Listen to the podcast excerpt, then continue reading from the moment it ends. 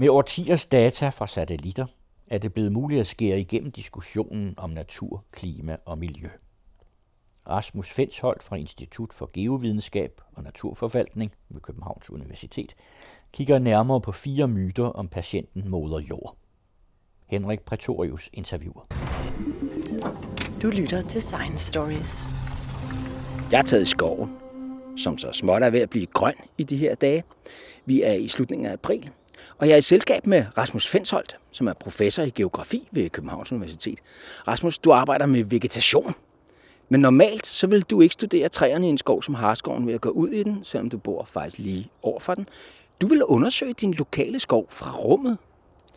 Ja, det er rigtigt. Øh, jeg har i mange år efterhånden arbejdet med at bruge satellitbilleder til at blive klogere på, hvordan vores vegetationsressourcer udvikler sig. Og det kan være i Danmark, men det kan også være rigtig mange andre steder på jorden, vi kigger på vegetationen.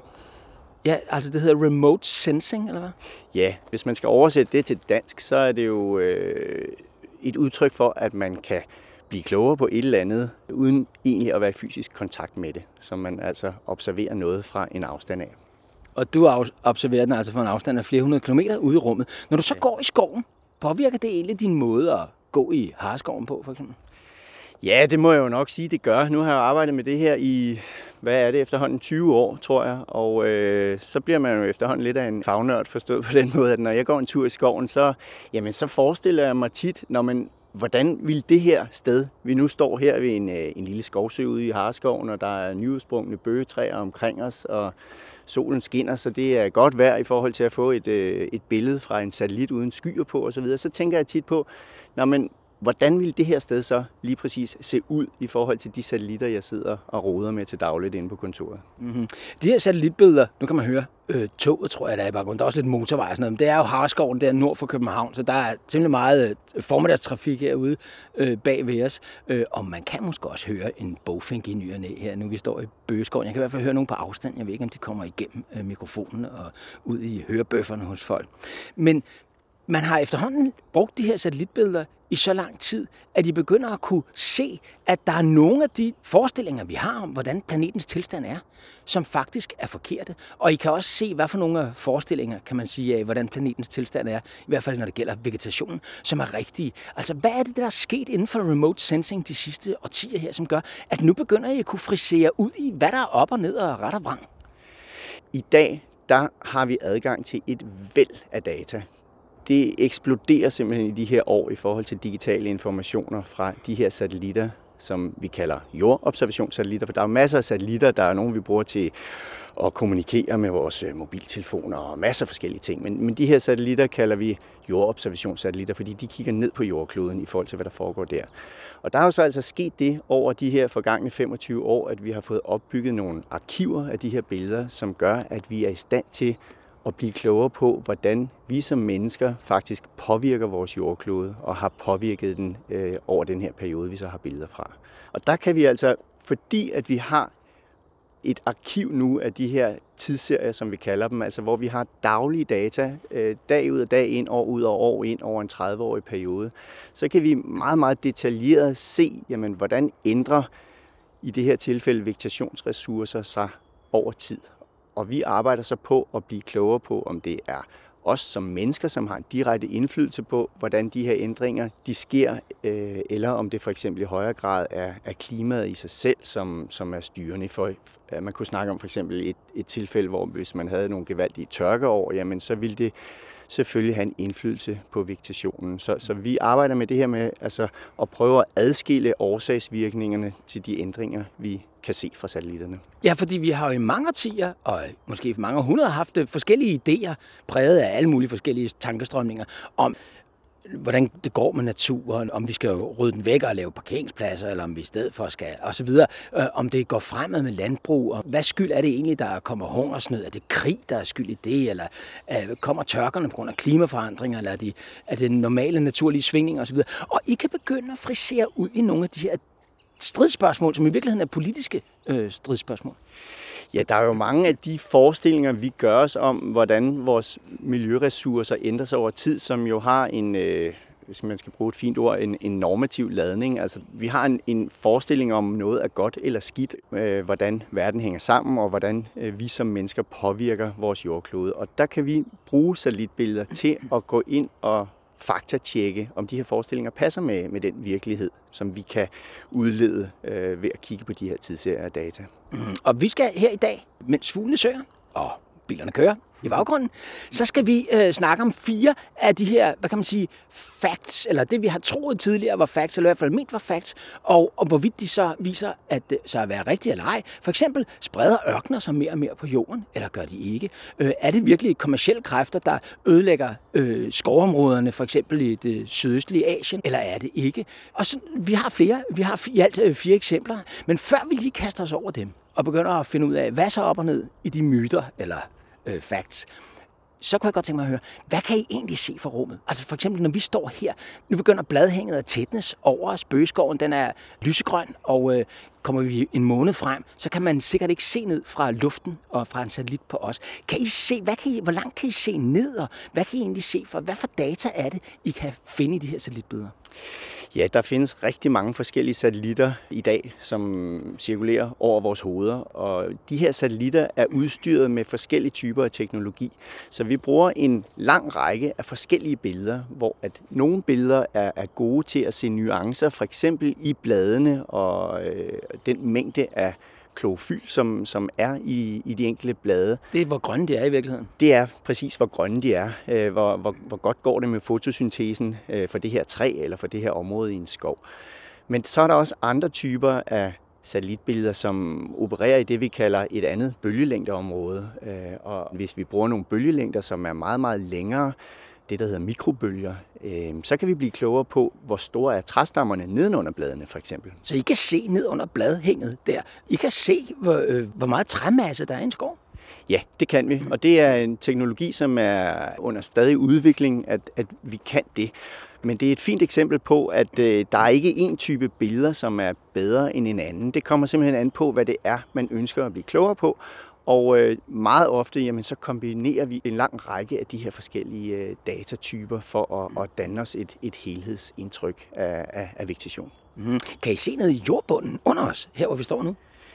Der findes også typer af satellitter, som faktisk kan sige noget om, specielt om, om øh, vandindhold i den øverste del af jordbunden, sådan ned til en halv meters penge. Mm-hmm. Så du kan altså ved at sidde og studere billeder, hvis du ellers skal få lov at låne den fra dem, der ejer satellitterne, så kan du se dels, hvor meget vand er der i undergrunden under os. Du kan se dels, hvor meget træmasse er der, og det kan sige noget om, hvor tæt træerne står, eller hvor tykke stammerne er osv. Altså, hvor meget vil der være, hvis man brændte af og fældte det, for eksempel. Og så kan du se, hvordan går det med fotosyntesen i bladene, øh, hvordan har skoven. Det er faktisk, hvad kan man sige, du kan ikke få et lige så godt overblik ved at gå en tur i skoven, eller Vi kan øh, tage pulsen på vegetationen på en anden måde ved at se på den fra 800 km afstand, end vi faktisk kan gøre ved at gå en tur i skoven. Man kan selvfølgelig også gå ud og måle på skovens tilstand med instrumenter øh, i selve skovbunden, og, og og det er sådan set også en, en væsentlig pointe, vil jeg sige, fordi at det er svært at fortolke på et eller andet, som du ikke har en kæft viden omkring. Er det sådan, at, at I ligefrem lærer, hvad det egentlig er, der er at se i satellitbilledet ved at gå ud og tjekke i virkeligheden, hvordan har tilstanden i skoven det? Og så kan I, hvad kan man sige, så kan I sige, okay, så ved vi, at når det ser sådan ud på billedet, så ser skoven sådan ud nedenunder. Ja, det synes jeg er meget fint øh, dækkende for det, fordi at i de år, jeg har arbejdet med det her, så har vi fået adgang til et stadig stigende netværk af det, vi kalder sådan nogle ground control points, hvor man faktisk måler de selv samme ting, som satellitten måler, nede på landjorden, og det bruger vi ligesom til at kalibrere de signaler, vi får fra satellitten. Så det er sådan det tekniske øh, del af det, at vi laver en kalibrering af signalet, men det gør også, at for de her ground control points, som er et globalt dækkende netværk i dag, jamen der har vi selvfølgelig også en detaljeret viden om, hvad er det for en arealanvendelse, vi har her, hvad er det for en type træer, eller hvad er det for en type vegetation, er det et savannelandskab osv. osv. Og den information er væsentlig for at kunne drage de rette konklusioner i forhold til de billeder, vi kigger på. Godt, lad os så se. Nu ved vi, hvordan I gør. Øh, lad os så se på, hvad er det så, I for eksempel har fundet ud af. Her i, jeg tror det var februar, der havde I et resultat i øh, videnskabelige tidsskrifter om, at jorden ganske vist er blevet grønnere, men at det ikke skyldes de årsager, vi hidtil har troet. Prøv lige at forklare, hvad er det, I har opdaget, og hvorfor er det vigtigt? Ja, vi har øh, i et øh, internationalt forskerhold øh, i samarbejde med folk fra Boston øh, blandt andet, som har ledet den her analyse, du refererer til her, øh, der har vi kunne konstatere, at på global skala er jordkloden blevet grønnere over de sidste 20 år. Og, og, og, og det havde man da også regnet med, ikke? Jo, altså der har været sådan en generel konsensus om, at den forøgede mængde CO2 faktisk har haft en gavnlig effekt på vegetationen. Fordi at øh, planter, de har jo brug for vitaminer, og det er jo sådan, at planter, når de fotosyntetiserer, jamen så bruger de jo faktisk CO2 til at skabe sukker og biomasse. Så derfor så er det sådan, at hvis vi øh, sprøjter mere CO2 ud i atmosfæren, jamen så er det faktisk til umiddelbart gavn for vegetationen. Så derfor så har man haft en antagelse om, at jamen, det er nok øh, den her forøgede mængde CO2, som har været årsagen til, at jorden er blevet grønnere, som vi kan se det fra satellitter. Okay, altså, og ideen er her, at fordi at der er en halv gang mere CO2, mener jeg, der er i atmosfæren i dag, end der var, øh, da industrialiseringen begyndte, vi har simpelthen øh, smidt 50 procent oveni, så gør det jobbet, med, som planterne har i bladene, med at omsætte CO2 til sukker ved hjælp af energi fra solen i den øh, proces, der kaldes fotosyntesen, så gør det det job nemmere. Det svarer til at gøde planterne, og derfor har man forventet, at jamen, så må skove over hele verden, Amazonas, alle mulige mærkelige steder, så må mængden af trævækst og så videre stige, og det er jo positivt, kan man sige, set i en klimasammenhæng, fordi så må man forvente, at noget af alt det CO2, vi henter op i form af olie og gas fra undergrunden osv., og brænder af og kul osv., det ryger tilbage i naturen. Det bliver, der, træerne tager sig af at rydde op efter os, kan man sige. Hvad er det så, I har fundet ud af?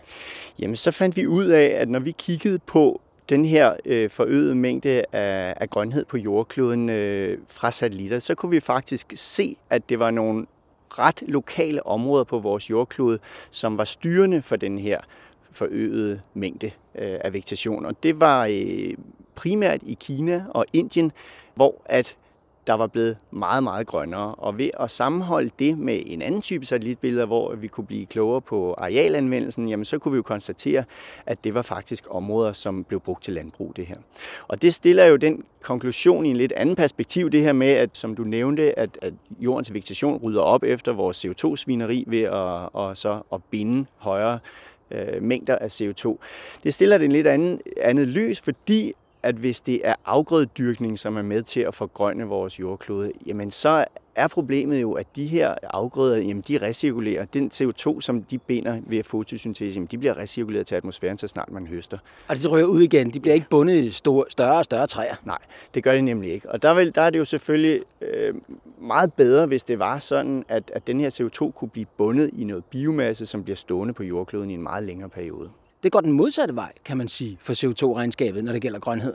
Ja, det er helt korrekt. Afhængig af, hvad det er for nogle satellitbilleder, man kigger på, det her med at kunne måle grønhed, så er det helt korrekt, at der er faktisk afgrøder, som hvis man, hvis man erstatter et område, hvor der måske ikke har stået en regnskov forud øh, med nogle afgrøder, jamen så kan det godt komme til at se ud som om, at der er faktisk mere gang i fotosynteseaktiviteten her. Det er der givetvis også, men det er ikke det samme som at sige, at der bliver bundet mere biomasse det her sted. Og på den måde så opnår vi ikke nogen klimagevinst i forhold til at reducere de her CO2-effekter i atmosfæren på samme måde, som hvis det var, at vi lod skoven stå og lod den gro. Kan I så se, om skovene rent faktisk også bliver grønnere?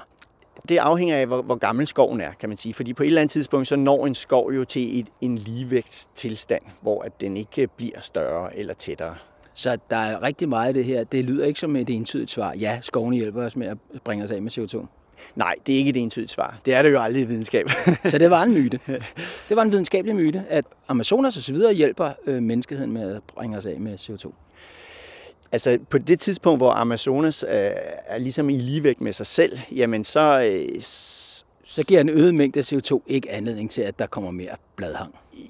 Det, det, kan det, det kan det måske gøre i, i et begrænset omfang, men det er, jo ikke, det er jo ikke en proces, der kan fortsætte. Altså, træerne går jo ikke ind i himlen, kan man sige. Okay. En anden myte, som har vist sig at være en myte, ved jeg. Og det har jeg hørt, siden jeg var barn jo også, og det må du gerne fortælle om, hvorfor jeg hørte det. Det er, at ørkenerne på jorden spreder sig. Sahara for eksempel spreder sig sydover. Der bliver mere og mere ørken.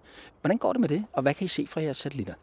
Ja, der har vi jo øh, overraskende for mange fundet ud af for, for nogle år siden, at jordens tørre områder, de her ørkenområder, de bliver faktisk grønnere, og de er blevet grønnere over de forgangne 10, 20, 30 år. Og det hænger måske lidt sammen med, eller grund til det er overraskende, kan man sige, det hænger måske lidt sammen med, at, at vi er vokset op med en forestilling om, at klimaændringer og ørkenspredning på en eller anden måde hænger sammen at, at de to ting er koblet med hinanden. Men det er faktisk ikke tilfældet. Det er sådan, at når vi kigger på de sidste 30 års satellitbilleder, så er der blevet markant grønnere i store øh, dele af, af jordens tørre områder. Vi har haft specielt fokus på et område, i, der hedder Sahel, som øh, dækker alle de lande, der ligger mellem Sahara i Afrika og regnskoven i det tropiske Afrika. Det er et rigtig tørt område, og der bor øh, flere hundrede millioner mennesker i det her område syd for Sahara, og, øh, og det kom på øh, tapetet øh, tilbage i 80'erne, hvor at der var nogle gevaldige tørkeår i det her område, som gjorde, at øh, der var hungersnød, og der var rigtig, rigtig mange millioner mennesker, som led under de her forhold. Og øh, det var... Simpelthen fordi, at de kommer til at mangle vand til deres afgrøder og så videre. Høsten slår fejler, når det sker 3-4 år i træk og så videre. Så har folk simpelthen ikke mere at spise. Så har de ikke mere at spise, og en stor del af de mennesker, som øh, lever i de her områder, de øh, er det, vi kalder pastoralister, og det er sådan lidt en, en afart af nomader. Det betyder, at de vandrer rundt med deres kvæg. Og kvæget skal jo have noget at spise, og når der ikke er noget græs at spise, fordi at øh, regntiden har svigtet, ja, så går det galt i, i sådan et område.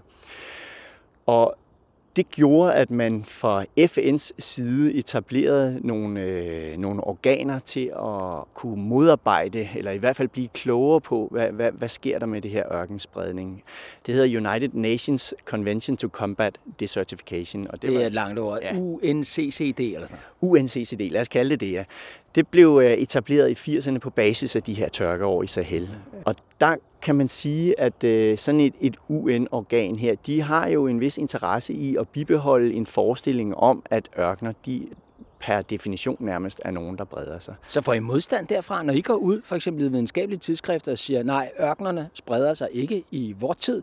Øh, Sahara bliver mindre i øjeblikket. Sahel er ikke ved at blive omdannet til ørken. Det er, bliver grønnere og grønnere. Så får I modstand fra et FN-panel her, eller hvad det er, øh, øh en FN-organisation, fordi at de gerne vil beholde deres kontorpladser går ud fra? Ja, det er faktisk et stykke hen ad vejen tilfældet. Altså, jeg har været til adskillige møder over årene med, med mennesker fra, fra UNCCD, og øh, de er jo selvfølgelig lydhøre over for, hvad vi siger i forhold til, øh, øh at de resultater, vi producerer på basis af satellitbilleder, der bliver de jo nødt til på en eller anden måde at, at justere deres opfattelse en lille smule. Men det er klart, at der er nogle forskellige interesser på spil her. Det er, det er helt tydeligt, når man sidder i lokalet med de her mennesker. Okay, men er det, er det kun jer, der har lavet det her resultat, eller er det blevet bekræftet fra andre målmetoder osv., eller er, er vi ude i, at I bare har sådan en enlig svale? Nej, det kan vi godt sige, at det er altså øh, det, er der bred enighed om. Okay, altså, så videnskabeligt set er det et sundt resultat. Ja. Ørkenerne spreder sig ikke i vores tid. Ja, og jeg er en blandt mange forskere, som arbejder med de her tidsserier altså af satellitbilleder, som, som har fokus på jordens tørre områder. Der er bred enighed om, at, at det er det, som data viser. Og det er mange forskellige typer af data, skal jeg måske sige. Så det er jo ikke bare sådan, at, at vi sidder en stor gruppe mennesker, som arbejder med nogle data, som er forkerte, for eksempel. Men det er jo fedt. Det er jo rigtig fedt, fordi det betyder også, at det, jeg øh, har hørt, og også har været med til at sige i radioen, eller skrive om osv., øh, som journalist, nemlig at afrikanerne øh, driver landbrug, eller kan man sige nomadetilværelse med hovedet under armen. Hvis, øh, når der ikke er, er mere mad i det område, de går, så går de længere og længere ud i mere og mere skrøbelige økologiske områder, og ødelægger dem, fordi de driver kvæg, geder osv. igennem, og det skaber øget jorderosion, og de ødelægger i det hele taget deres eget landbrug ved at, hvad kan man sige, presse det for meget, fordi de ikke ved, hvad de gør der er noget, der tyder på, at afrikanerne så ved, hvad de gør. Hvad kan I se om det i jeres målinger? Ja, jeg har nær sagt, selvfølgelig ved de, hvad de gør, fordi de har jo et, et dybt kendskab til de økosystemer, de arbejder med. Og... Nu er du ved at opbygge en ny myte på baggrund af en anden idé. ja, altså, men, men, men udfordringen har selvfølgelig været, at der er rigtig mange steder, blandt andet i Sahel, hvor der bliver mange, mange flere mennesker, og det går rigtig, rigtig hurtigt, og derfor så har man jo haft en forestilling om, at, at den her forøgede befolkningstilvækst har betydet, at der var så meget øh, tryk på ressourcerne, så der blev drevet rovdrift, og dermed så gik det ned ad bakke, og, og vegetationen den forsvandt, og jordene eroderede osv.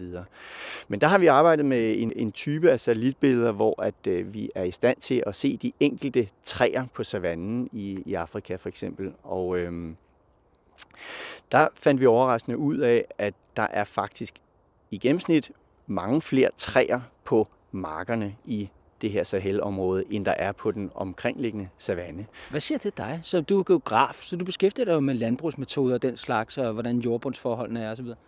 Jamen det siger mig, at de godt ved, hvad det er for en gavnlig effekt, man har af træerne. Der har jo været den her hypotese om, at når man flere mennesker, jamen de har brug for alt det her træ, så de hugger alle træerne ned, og de bruger det til brænde, og de bruger det til at bygge huse osv. Men de er udmærket godt klar over, at de her træer faktisk har en meget gavnlig effekt for deres landbrug.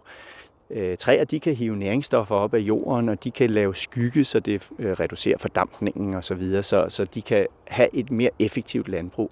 Og det er de udmærket godt klar over, og, og det kunne vi kvantificere at faktisk så er det sådan, at de lader træerne stå på markerne. Vi kunne ikke genkalde denne her øh, idé rovdrift, om, på... rovdrift af, af, af, af træmateriale i, i Sahel så de ved, hvad de gør, og de gør det, de hele tiden har gjort, som du siger, øh, da jeg var så fræk at sige, det var en ny myte. Men de ved godt, hvad de gør, og de, øh, hvad kan man sige, arbejder i samarbejde med landskabet og de naturforhold, de er i, til at drive deres landbrug. Så det er ikke derfor, at de, hvad kan man sige, de får svært ved nogle gange at få smør på brødet, eller det tror jeg som en gang, majs i gryden, eller hvad det nu er, ja. øh, der skal være, så videre. Ikke? der er nogle gæster, der flyver over os der. De ved, hvad de gør. Og det er her måske i virkeligheden også en af de effekter, der gør, at Sahara ikke spreder sig, nemlig at de her folk planter træer. Eller lader dem stå. Ja, det er en del af forklaringen, vi kan finde på, at Sahara ikke spreder sig, og Sahel er blevet grønnere. Det er, at øh, den her gevaldige tørke, der var i to omgange i 1970'erne og 1980'erne, det gjorde faktisk, at rigtig, rigtig mange af savannetræerne i det her område, de bukkede under. De kunne ikke klare det her, de her tørkeår. Og det har taget mange år for de her træer at, at finde fodfæste igen. Og det er så først her i, øh, i nullerne og tierne her, mange år efter de her tørkeår, at vi er ved at se, at der faktisk kommer flere træer i, i de her områder. Så ja, det har, det har taget mange år. Mm. Så det er tre myter, vi nu har aflevet med remote sensing. Den ene er, at øh, skovene bliver grønnere, og derfor hjælper menneskeheden af med mere CO2 fra atmosfæren. Øh, den anden er, at ørkenerne spreder sig i vores tid. Og den tredje her er, at afrikanerne dyrker landbrug med hovedet under armen, som jeg øh, så øh, brutalt og øh, upassende øh, kalder det. Øh, men så har den, den fjerde her ting, jeg godt kunne tænke mig, det er, vi hører altid, at det er de kommersielle kræfter, der spolerer regnskovene. Det er vores industrier osv., der driver. Det er, vores, øh, det er kapitalismen, kan man sige, hvis man skal sige det på øh, god gammel politisk vis. Det er kapitalismen, der driver øh, nedbrydningen af de her regnskovsområder. Der er simpelthen for forretningsmæssige interesser, som går ud, ødelægger naturressourcer, fjerner arter for os igen og igen og igen. Hvordan går det med den myte, når I kigger på det fra rum? Ja, det kan vi også kigge på i forhold til nogle af de her forskellige typer af jordobservationsdata, vi har ved hånden. Og øh, der lavede vi et studie, som fokuserede på øh, skovvækst i Kambodja. Der viste sig, at Kambodja er et klassisk eksempel på, at øh, man fjerner primærskov, altså oprindelig regnskov, og så bruger områder til forskellige typer af kommersiel skovbrug. Og øh, der kunne vi bruge tidsserier af satellitbilleder til at kigge på, hvor hurtigt og hvor store arealer, hvor man fjernede primær skov til fordel for at lave gummiplantager. Og gummiplantager, det er, man skal bruge gummiet industrielt til blandt andet bildæk og sådan nogle ting. Det, altså gummi kan man ikke lave øh, kunstigt, kan man sige. Man skal have fat i gummitræer og gummi derfra, for at få gummi til sit bildæk. Ja, det er helt, det er helt rigtigt.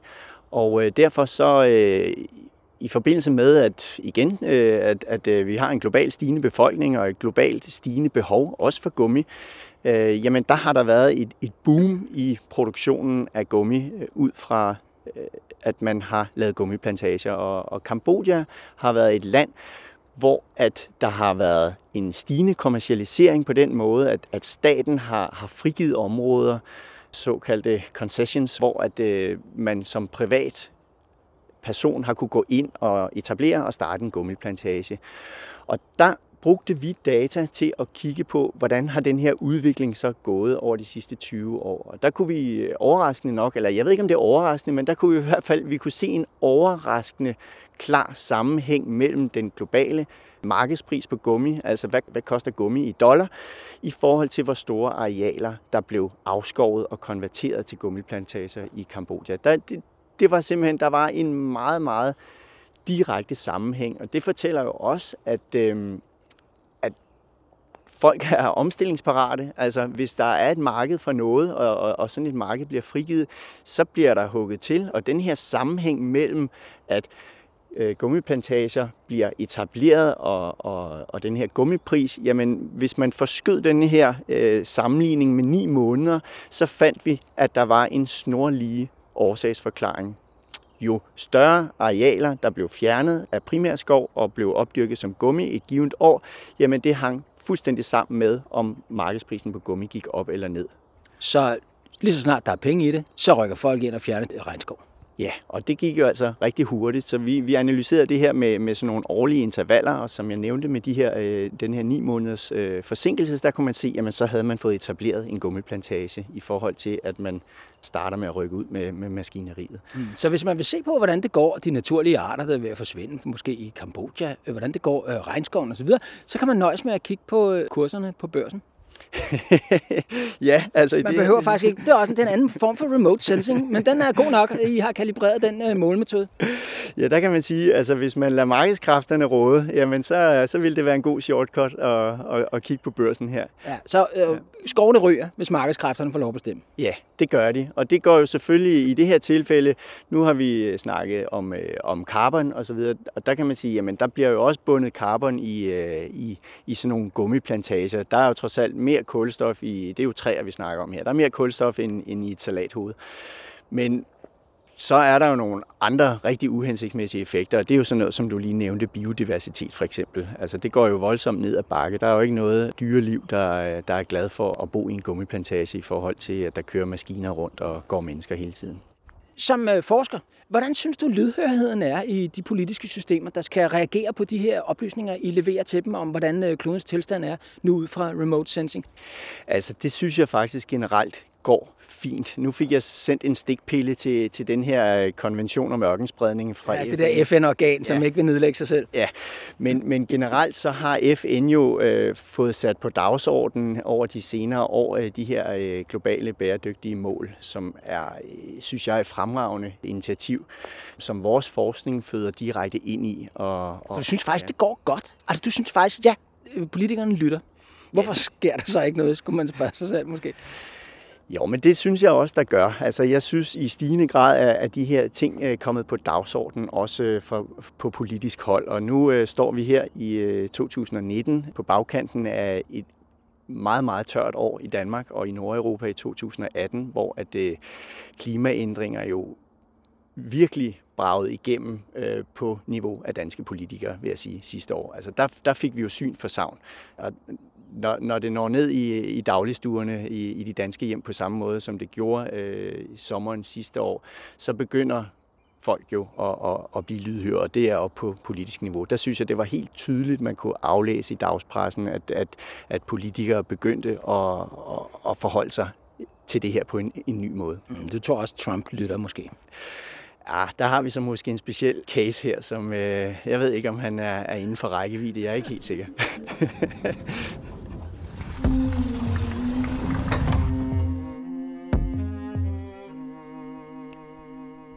Det var Rasmus Fensholt fra Institut for Geovidenskab og Naturforvaltning ved Københavns Universitet i samtale med Henrik Pretorius. Og det var en udsendelse produceret af Science Stories og den anden radio.